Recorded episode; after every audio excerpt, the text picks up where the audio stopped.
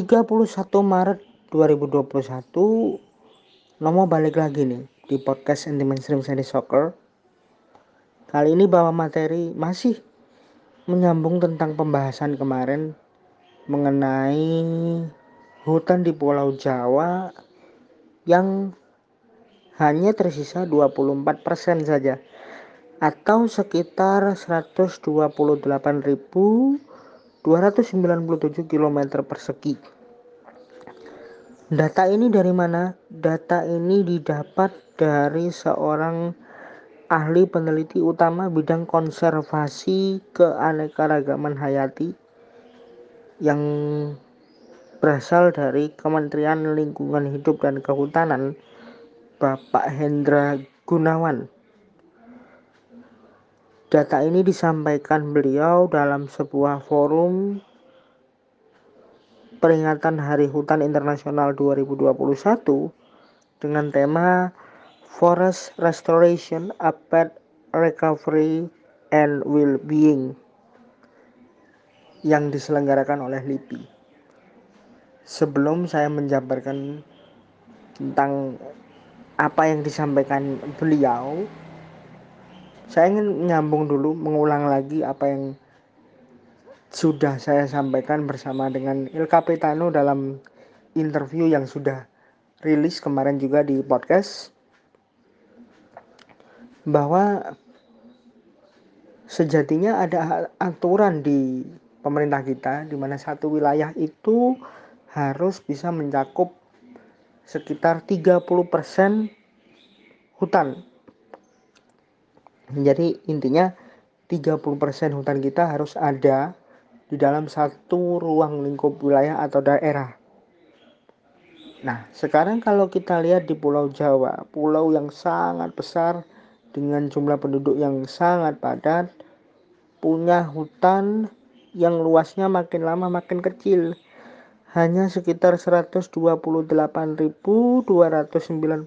km persegi kalau secara angka memang besar, tapi kalau dilihat di lapangan mungkin semuanya sudah beralih fungsi. Nah, banyak hutan kita yang sudah beralih fungsi menjadi lahan-lahan yang baru untuk gedung, untuk perkantoran, untuk segala macam.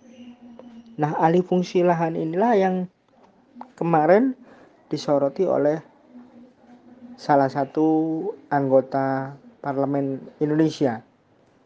Tapi saya tidak akan menyoroti ke sana. Yang saya ingin soroti adalah bahwa hutan kita ini sebenarnya adalah salah satu sumber oksigen kita. Karena bayangkan saja seperti ini. Satu pohon besar ya, itu bisa menghasilkan 1,2 sampai 1,3 kilogram oksigen. Memang secara jumlah itu tidak cukup karena kita memerlukan 8 kilogram oksigen per satu orang selama 24 jam. Jadi dari kita bangun pagi hari sampai kita tidur lagi itu kita memerlukan setidaknya 8 kilogram oksigen. Tapi kalau jumlah pohon atau jumlah penghasil oksigen alami ini ada dalam jumlah yang cukup besar, taruhlah misalnya dalam satu hektar lahan kita tanami seribu pohon jati dengan ukuran yang besar, di situ kita akan mendapati jumlah oksigen mencapai 130 kg yang bisa dilepas ke udara. Dan itu adalah sebuah berkah bagi kita karena kita memerlukan oksigen alami, bukan hanya alami, tapi juga kualitasnya bersih. Selain pohon, apakah ada makhluk lain yang bisa memberikan oksigen murni kepada kita? Ada jawabannya. Apa namanya? Namanya adalah fitoplankton. Fitoplankton ini sejenis ganggang atau mikroorganisme kecil yang hanya bisa dilihat oleh mikroskop. Tetapi ada yang istimewa dari fitoplankton ini. Apa yang istimewa? Yang istimewa adalah dia memiliki klorofil atau zat warna hijau. Dan dia juga bisa menghasilkan oksigen 2 sampai 3 kali lipat daripada sebuah pohon tadi. Di sini bukan berarti saya menganggap bahwa pohon itu tidak bisa menghasilkan oksigen. Tidak, bukan seperti itu. Tapi secara jumlah apa yang dihasilkan oleh fitoplankton oksigennya jauh lebih besar. Walaupun makhluk ini juga penangkap alami ya, dia berstatus penangkap alami karbon dioksida. Tapi jumlah ruang yang bisa dia gunakan untuk menangkap karbon dioksida alami ini tidak sebesar yang dimiliki pohon.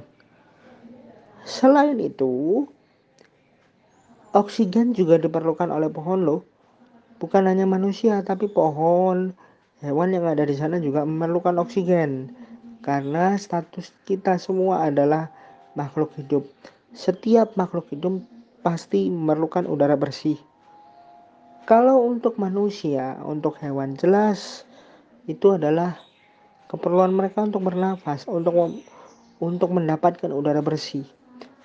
Tetapi apa yang bisa dilakukan atau apa yang bisa didapat oleh pohon ketika dia mendapatkan oksigen secara alami dan bersih?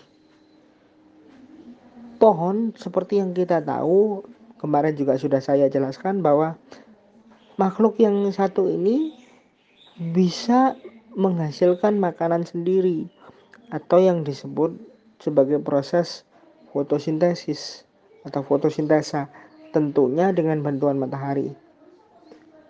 Nah, kalau tidak ada oksigen alami di bumi, tidak ada oksigen yang bersih di bumi, maka proses ini tidak akan terjadi.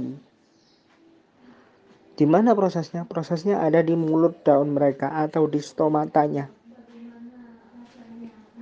Ketika pohon ini bisa menghasilkan makanan sendiri yang dialirkan untuk proses tumbuh dan berkembangnya pohon tersebut, maka oksigen dengan lancar sirkulasinya bisa dilepaskan ke bumi, ke atmosfer dan itu dihirup oleh kita setiap hari. Sirkulasinya akan terus seperti itu. Terus seperti itu. Makanya keberlangsungan hidup pohon juga ada di tangan kita. Nah, pohon ini tempatnya tidak hanya di hutan yang luas, tapi juga di hutan-hutan berstatus hutan kota, atau bahkan ruang terbuka hijau itu sama, fungsinya sama, caranya pun juga sama sirkulasinya. Nah, menyambung kaitannya dengan itu, ada satu jurnal, satu satu materi yang dikeluarkan oleh National Geographic tentang bagaimana hutan ini punya tenaga super untuk melindungi bumi dari global warming. Selama ini kita bilang bahwa bangun pohon atau tanam pohon untuk melindungi global warming itu memang masuk akal dan memang benar karena sebagai gudang penyimpanan karbon yang sangat besar pohon itu. Alat penangkap karbon dioksida secara alami, bukan hanya karbon dioksida tapi juga karbon monoksida ya, CO dan CO2.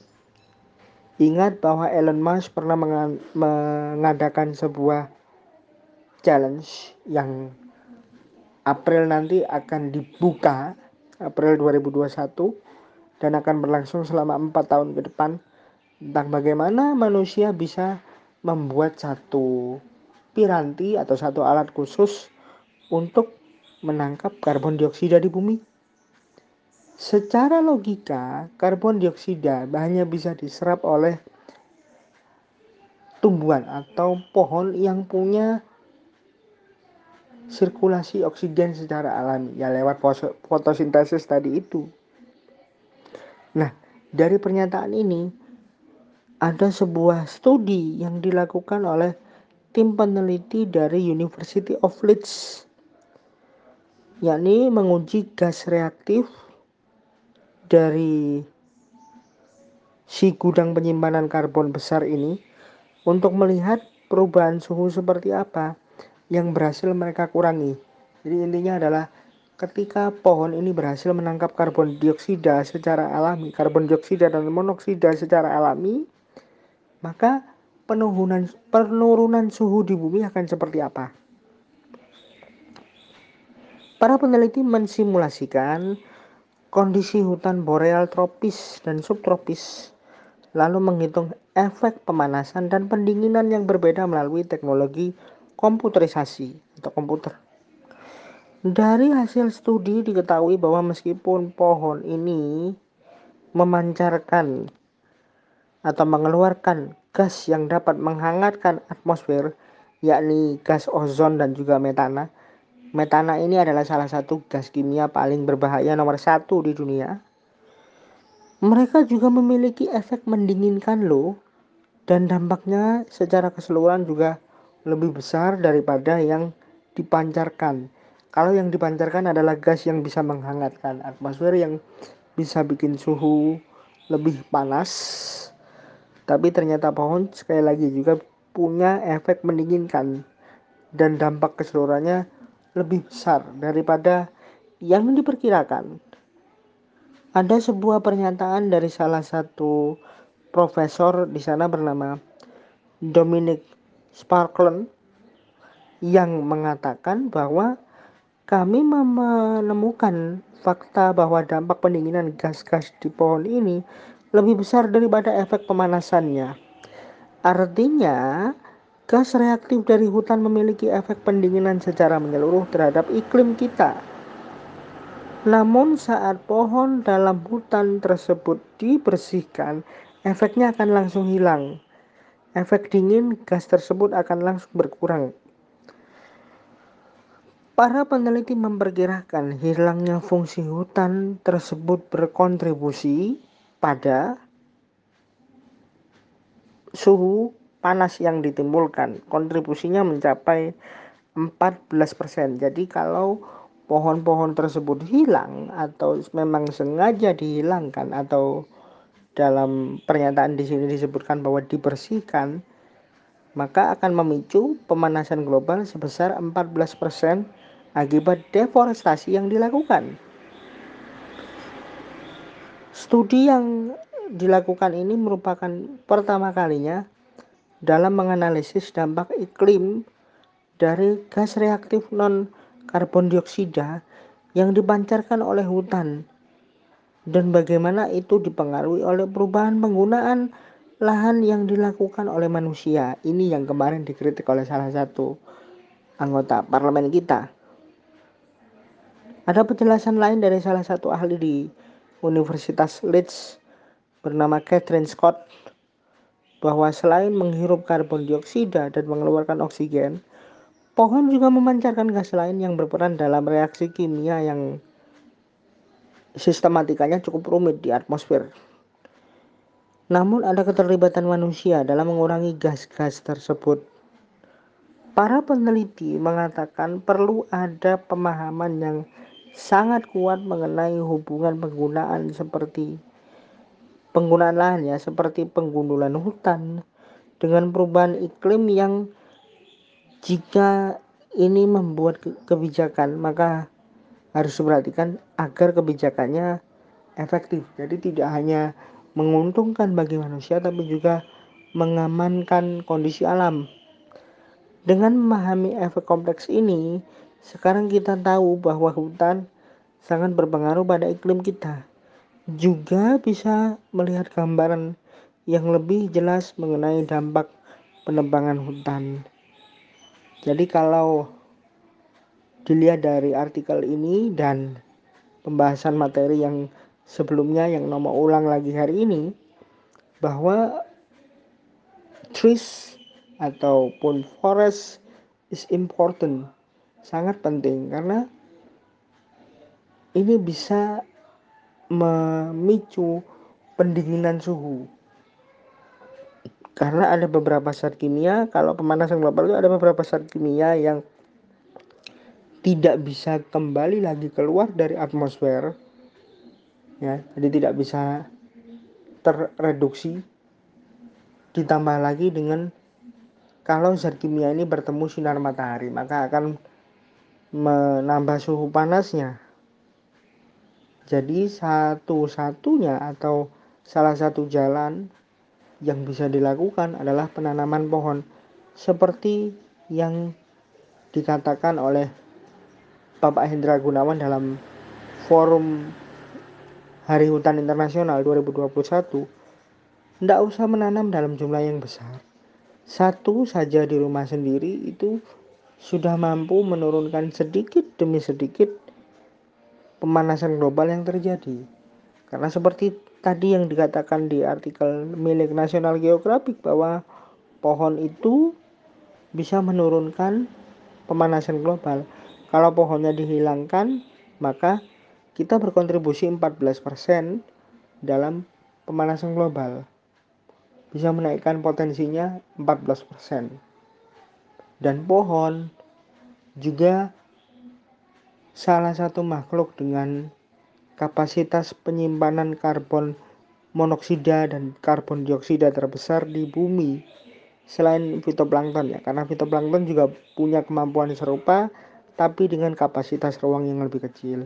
Jadi so kita jaga alam, alam jaga kita dan kita tanam pohon maka pohon akan tanam dan menjaga kita.